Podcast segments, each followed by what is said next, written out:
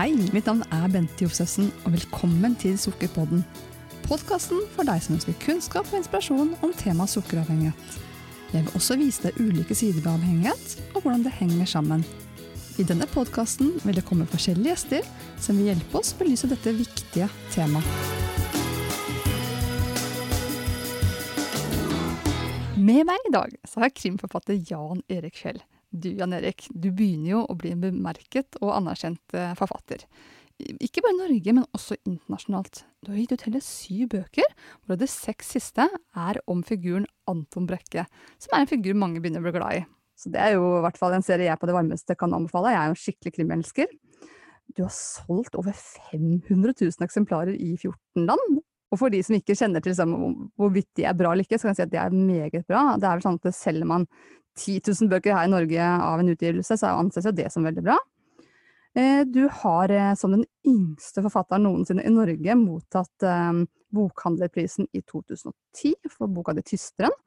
Og nå er du jammen nominert til Rivutonprisen sammen med bl.a. Jon, Jon Esbø. Det jeg ble skikkelig imponert da jeg hørte det også, Jan Erik. Så velkommen til dagens podkast. Tusen takk for det. Det var mye skryt. Ja, det er vel fortjent sådan. Så det var jo en kort intro der. Men kanskje du kan fortelle litt om deg selv også? Tja, jeg er 37 og født og oppvokst i Fredrikstad. Og bøkene tar jo egentlig eh, plass i store deler av Østlandet. Da. Så det er ikke, det er ikke Fredrik, ren Fredrikstad krim, selv om eh, men eh, man kanskje kan tro, tro det. Mm. Men du har i hvert fall gjort forfatterskapet til ditt eh, levebrød og fulltidsprosjekt? Ja, ja, jeg har skrevet på fulltid siden 2000 og, 2010. Ja. Mm. For det har jo ikke alltid vært sånn, eh, for å si det sånn, Jan Erik. Fordi at det, da eh, nasjonen Norge var kjent med Mette-Marit, som fant sin kroppens Håkon, så ble det beskrevet at hun hadde hatt en utagerende livsstil. Det var jo måten man uttalte det her på. Men hun har jo klart seg brukbart her i livet allikevel. Du har jo også hatt en interessant bakgrunn. Vil du si noe om det? Ja, nei eh, Det har vært innom litt forskjellige uh, små yrkes... Uh, forsøk på yrkesvalg. okay. Uh, det sikter sikkert til den ja, ambisiøse plan om å uh, starte med import. Ja. ja. Det var ikke minnebrikker vi snakker om? Nei, jeg har litt tur i, i uh, Flensburg i Tyskland. Og den gangen så kjørte jeg en sånn stor varebil. Mm. Og den hadde jeg og en kompis fylt med, med prima sprit. Prima. Ja, prima, selvfølgelig. prima, Polsprit, da, eller der nede selger de det jo i kiosken. Men og så gikk det ikke så veldig det gikk ikke så veldig bra da vi kjørte gjennom København og over Øresundbrua og inn i Malmö, så, så sto uh, tollvesenet der.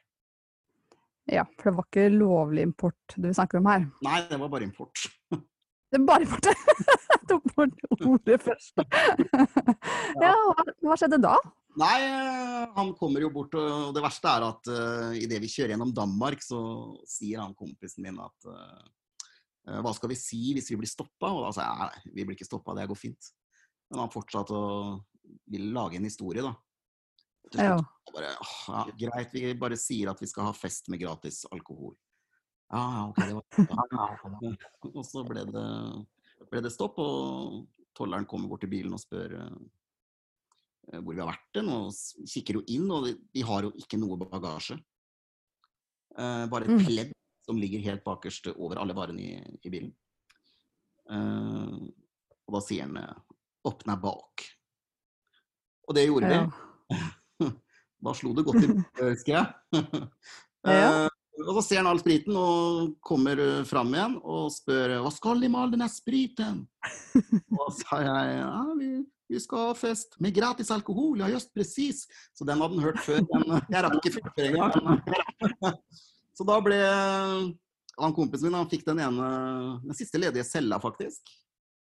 Ja, nettopp. Jeg måtte sitte og holde han denne tollerne selskap på gangen. Men det gikk greit, det også. Men det var en, det var en lærepenge. Eh, vi fikk eh, en liten bot hver, og så tok de selvfølgelig hver eneste dråpe Ja, før vi fikk kjøre videre.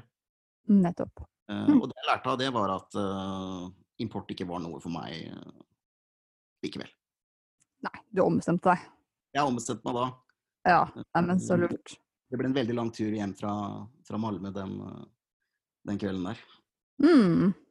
Bakgrunnen for at jeg har med deg i denne podkasten, Sukkerpodden, er fordi vi belyser ulike sider ved avhengighet. Og så leste jeg en artikkel med deg i eh, altså høsten 2019 i VG, hvor det sto at eh, du sliter med avhengighet til spill. Og så nevnte du jammen også at du hadde lagt om til et kosthold som kalles karnevorene, som primært består av animalsk føde.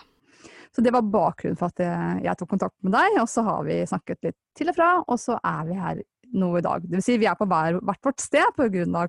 korona, men eh, det er utrolig hva man får til over nett. Mm. Ja. men du tok jo, da tok jo livet ditt en ny vending, og så begynte du å skrive bøker. Ja, eh, jeg begynte først på, på lærerskolen, men det gikk, eh, det gikk ikke så bra, det, det heller. Jeg har forsøkt på mange forskjellige retninger, men jeg har hatt en litt sånn dårlig innstilling til at Jeg har alltid valgt eh, minste motstands vei, da. Ja. Og hvis jeg da ikke forsto, så da gadd jeg ikke. Men hvordan i all verden endte du da opp som forfatter? Ja, jeg, jeg var i gang med en, eh, et manus og droppa det etter hvert og begynte på noe annet. eh, som jeg sendte og Det var en liten ungdomskomedie som jeg sendte inn til flere forskjellige forlag. Og de sa alle nei, helt til jeg plutselig fikk napp hos et uh, bitte lite forlag i Oslo som uh, hadde troa på at det ville bli en bestselger. Ja, Det ble det ikke. Men, det ble det ikke. Nei. 300-400 eksemplarer. Uh, Ja. Men det er jo det som er vanlig for en, for en debutant, Ja. Uh, faktisk. Uh, men for første gang så hadde jeg fullført noe som jeg hadde starta på, og jeg syntes det var morsomt å skrive. Mm. Og bestemte meg for å prøve å skrive en, eh, en krim, da. ja. Og det ble, det ble Tysteren. Og jeg skifta til eh, Juritzen forlag. Mm. Uh, og det gikk veldig, veldig bra. ja. Og siden har det vært uh, bøker. Ja, og denne rollefiguren din, da, han Kripos-etterforsker Anton Brekke, hvor mye Jan Erik er det i han? Oi, det Dagens dype spørsmål! Og jeg tror det er veldig mye. eh, fordi folk som eh, kjenner meg, og som også leser bøkene, sier at eh, alt Anton sier, tenker og gjør, er ting du kunne sagt, tenkt og gjort. Og det, det er det nok. Men sånn tror jeg det blir helt, helt automatisk at det er veldig mye av forfatteren i hovedkarakteren. For det er på en måte den karakteren forfatteren og leseren blir best kjent med. Mm. Eh, akkurat som det er Det er nok mye Jørn Lier Horst i William Wisting og plenty med Harry Hole i Eller Jo Nesbø i Harry Hole, da. Ja. Eh, for sånn, sant tror jeg bare det blir. Eh, men eh, jo da, eh, Anton Brekke er nok eh, er nok eh, mye, mye Jan Erik. ja. For han måtte jo ha en last, eh, last også. eh, og da er det jo greit å skrive om noe man kan. Ja. Og der kom eh, gamblingen din, da, at Anton er uh, spillavhengig. ja. Kan ikke du fortelle litt om din egen erfaring med spill? Eh, jeg begynte å Jeg har alltid likt å spille helt fra jeg var liten. Jeg husker jeg solgte jordbær da jeg var 12-13 år. Ja. Da fikk jeg 300 kroner dagen. Mm. Og, og da jeg var ferdig, så stakk jeg rett bort på Showtime. Som, eh, og dunka på kronene og spilte. Noen ganger vant jeg, men ofte kom jeg hjem med, ikke med 300 kroner, da. Nei. Eh, Så jeg har alltid vært glad i å, å spille, og sammen med sånne enarma banditter på, på danskebåten. Husker jeg var jo kjempeliten da òg. Blackjack husker jeg vi spilte på, på skolen og på fritidsklubben. Ja. Eh, Men da jeg var i starten av 20 Jeg var vel rundt 21-22, så kom jo nettpokeren eh, for fullt til Norge. Mm. Jeg hadde ikke spilt en særlig poker før, men jeg lærte meg fort, lærte meg fort reglene. Og da trodde jeg at så lenge man kan reglene, så kan man poker. Ja. Der tok jeg feil. Det ble dyrt. Uh, Ja. at poker tar to minutter å lære, men et helt liv å mestre. Uh, så jeg tapte veldig mye på nett uh, i starten. Jeg er blitt en bedre spiller nå, men samtidig så har interessen Den har dalt veldig. Fordi at hvis jeg begynner å spille, så gjør jeg ikke noe annet. Uh, så hvis jeg f.eks. skulle satt meg ned og spilt uh, i dag Mm. på, nett, så hadde hele dagen gått, og jeg hadde ikke fått gjort uh, noe annet. Og i verste fall, da, hvis jeg hadde tapt, så hadde jeg antageligvis vært så forbanna at jeg ikke hadde fått skrevet noe i morgen heller. Nei. Eh, Og hvis jeg hadde vunnet, så hadde jeg tenkt at deilig, da. Da tar vi poker i dag òg. Så hadde det ikke blitt noe jobb i morgen da. Eh, Så det blir, for meg så er det nesten tap-tap, fordi det er jo bøkene, bøkene jeg lever av. Mm. Mm. Og du har jo til og med deltatt i NM, og fikk jo en eh, bra plassering. Ja, det var jeg tror det var første året, første året hvor NM ble arrangert eh, på Gardermoen. Da fikk jeg en syvendeplass. Ja. Det var rett i underkant av 2000 med, så det var, det var artig. Og Du rakk å bli god. hva sa du? Ja, du rakk å bli god. Eh, ja, sikkert litt flyt og, og litt sånn noe, men eh, det er faktisk det morsomste jeg har vært med på. Og Mm. Det finalebordet under henne. Du har jo selv beskrevet det her som en avhengighet. ikke sant? Opplevde du at, det her var noe du mistet kontrollen over? Ja, før så, så gjorde jeg det. Fullstendig.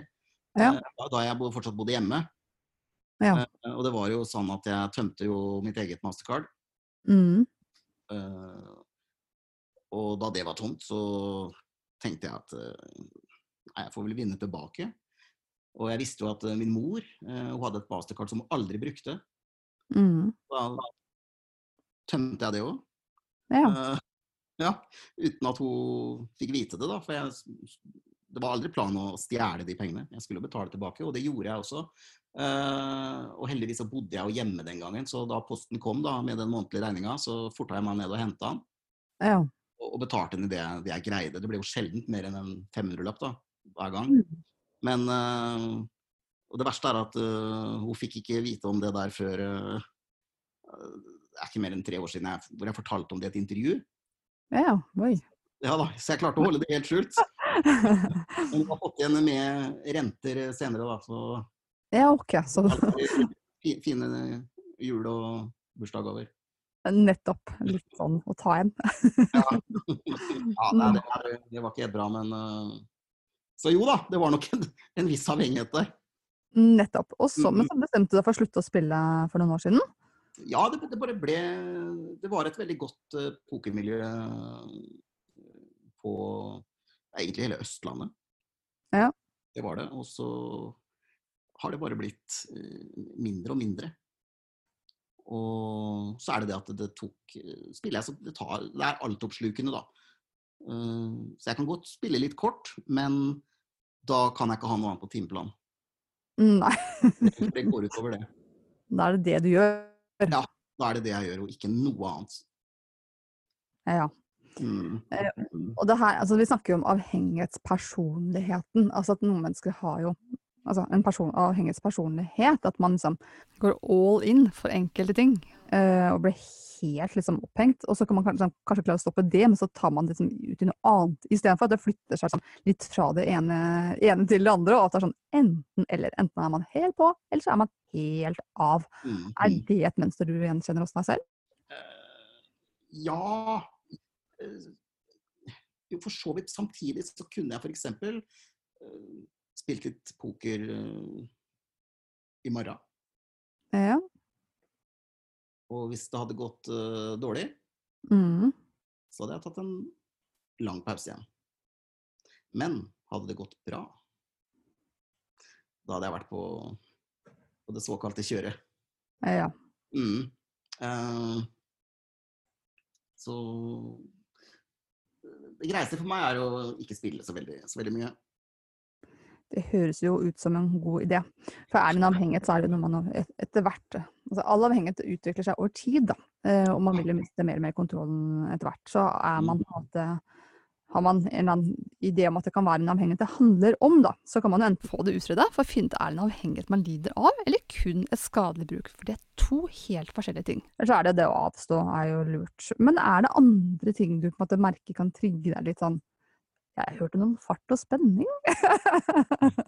Ja, jo, jeg liker jo, jeg liker jo spenning, og jeg liker kanskje å tøye strikken eh, noen ganger òg. Og kanskje det er forklaringen på at uh, vi dro av gårde til Tyskland for å kjøpe sprit.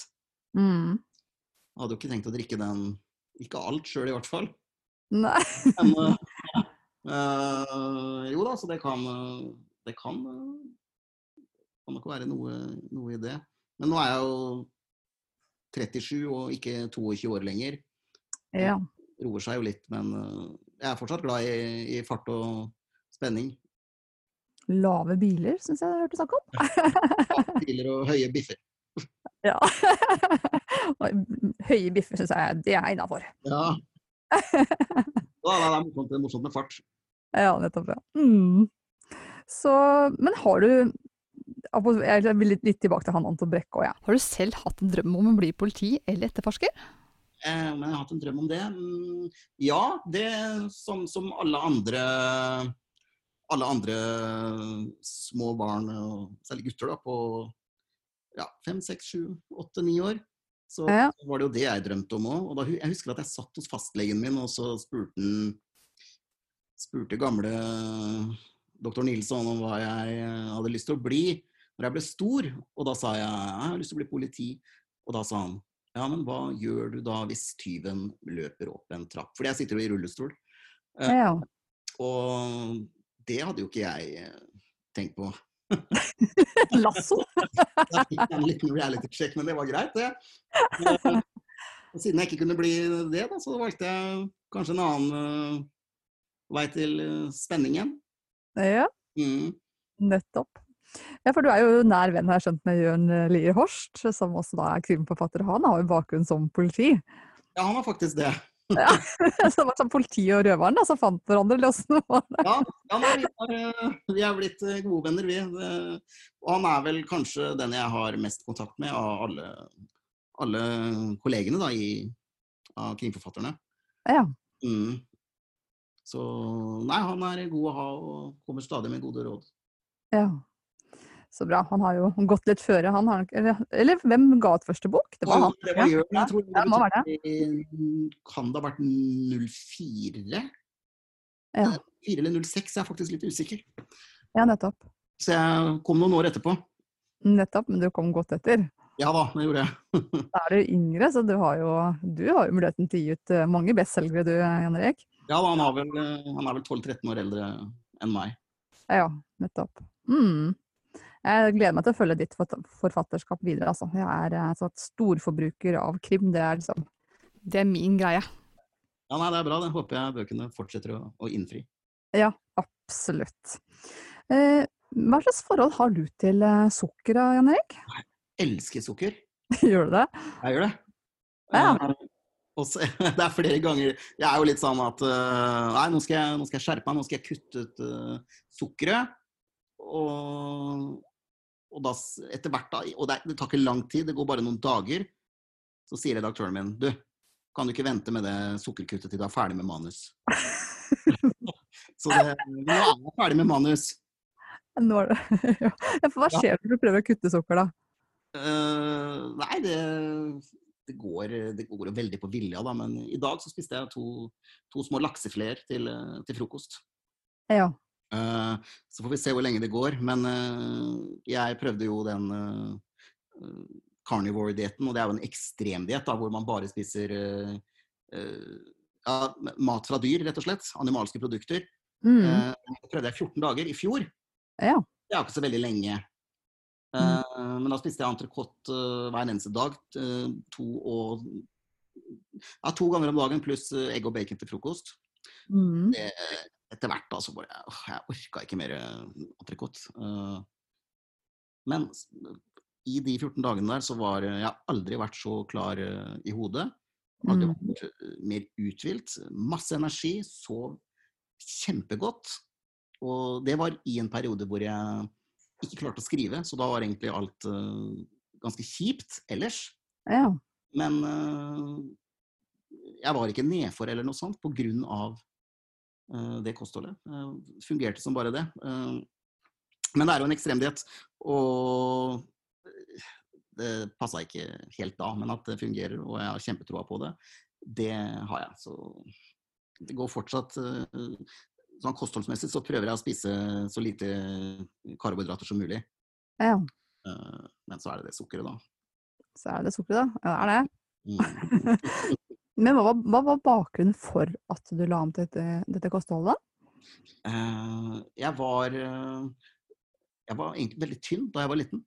Mm. Og så brakk jeg benet, så jeg havna på sykehus og lå med benet i strekk i to måneder. Oi da. Da var jeg tolv år. Mm. Og da Jeg ble så god venn med sykepleierne der oppe at jeg fikk velge middag og sånn. Ja. Eh, og middagen ble ofte servert akkurat i, i vaktskiftet. Mm. Og så da fikk jeg dessert av dagskiftet, da. Ja. Så kommer kveldsskiftet, og så sier jeg du, kan jeg få en dessert?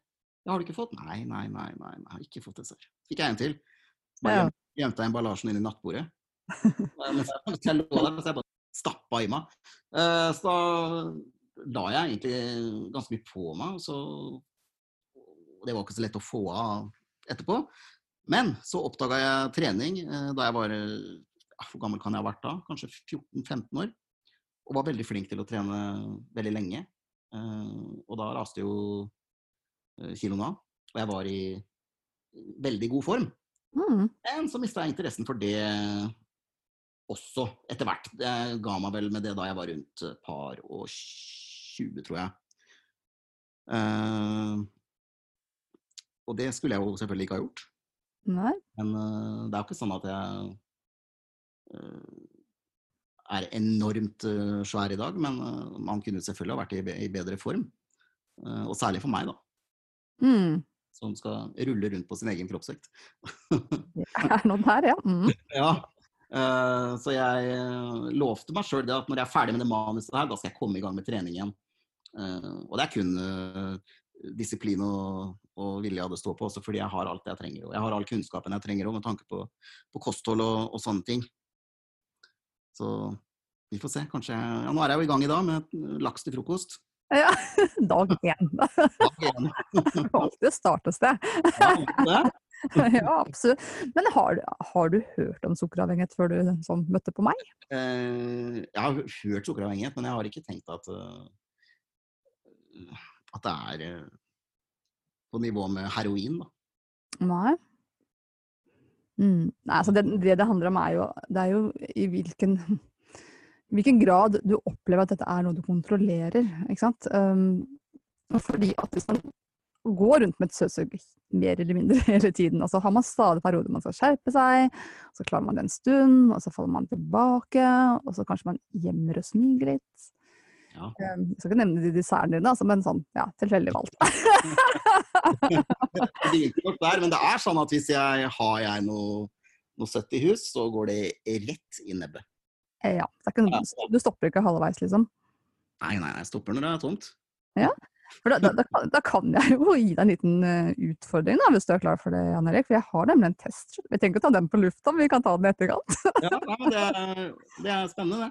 For det er jo en test da, som eh, består av seks enkle spørsmål. som er en sånn, Det er, det er jo ikke en diagnose når man gjør den testen, men det er en sannsynliggjøring, og den er svært treffsikker.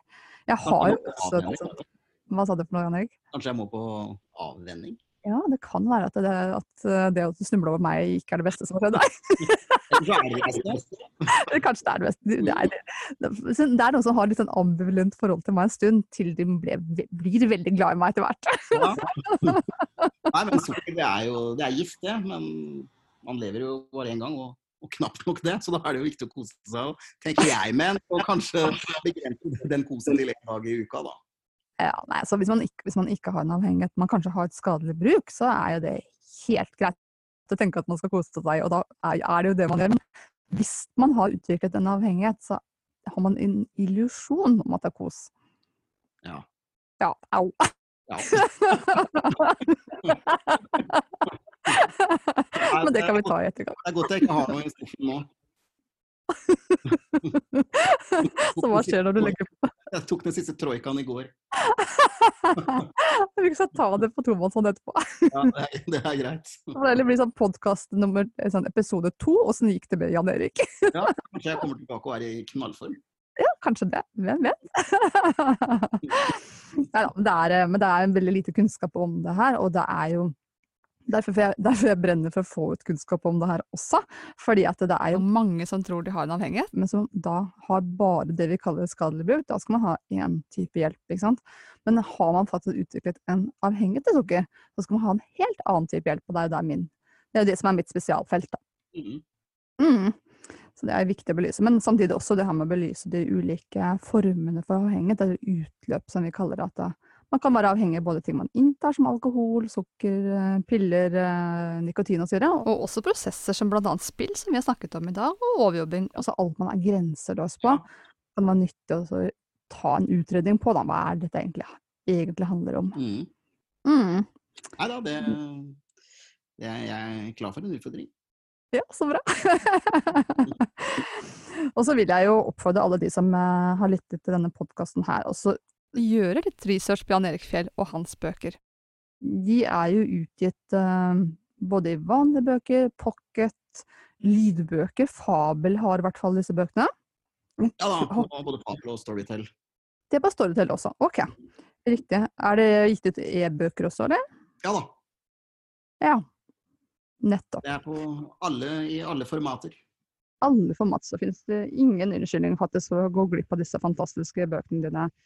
Og nå har du levert inn manus til din neste bok. Ja. Du kan jo få til å si litt om den selv, hva den heter og når den kommer. Den heter Gråsonen og er planlagt eh, utgitt i eh, tidlig juni. Tidlig juni. Ja. Jeg Tror det var tredje, hvis ikke jeg husker helt feil. ja.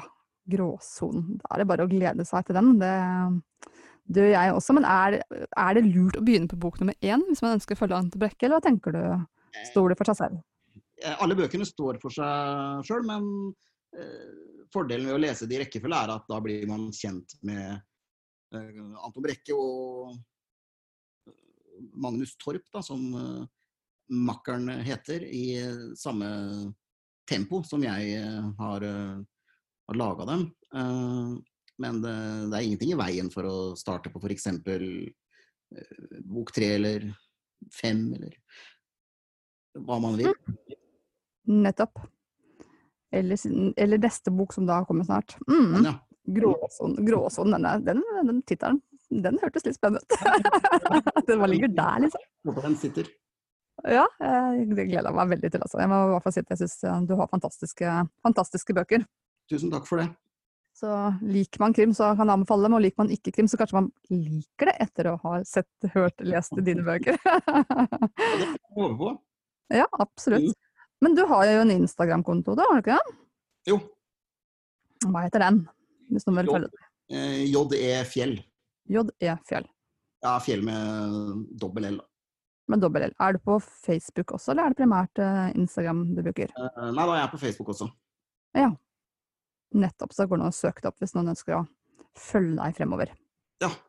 Mm, ja, men det er strålende. Men da får du ha tusen takk for at du stilte opp, eh, Jan Erik. Ønsker du mer informasjon om tema sukkeravhengighet, så finner du oss på www.friskutensukker.no, på Facebook Frisk uten sukker, og også Frisk uten sukker på Instagram. Da håper jeg du kom deg helskinna gjennom. Denne podkasten. Det se en som kommer hvert øyeblikk. Hva sa du nå? Vi ser på når jeg har fått den utfordringen som kommer hvert øyeblikk. ja, vi tar den. Har logget av det offisielle opptaket. Ja, vi, får se og fortsette følger i en eh, senere podkast. det har vært en fornøyelse å ha deg med, i hvert fall. takk for meg. Og takk for alt du har bydd på av dine personlige historier. Ha det bra. Ha det bra.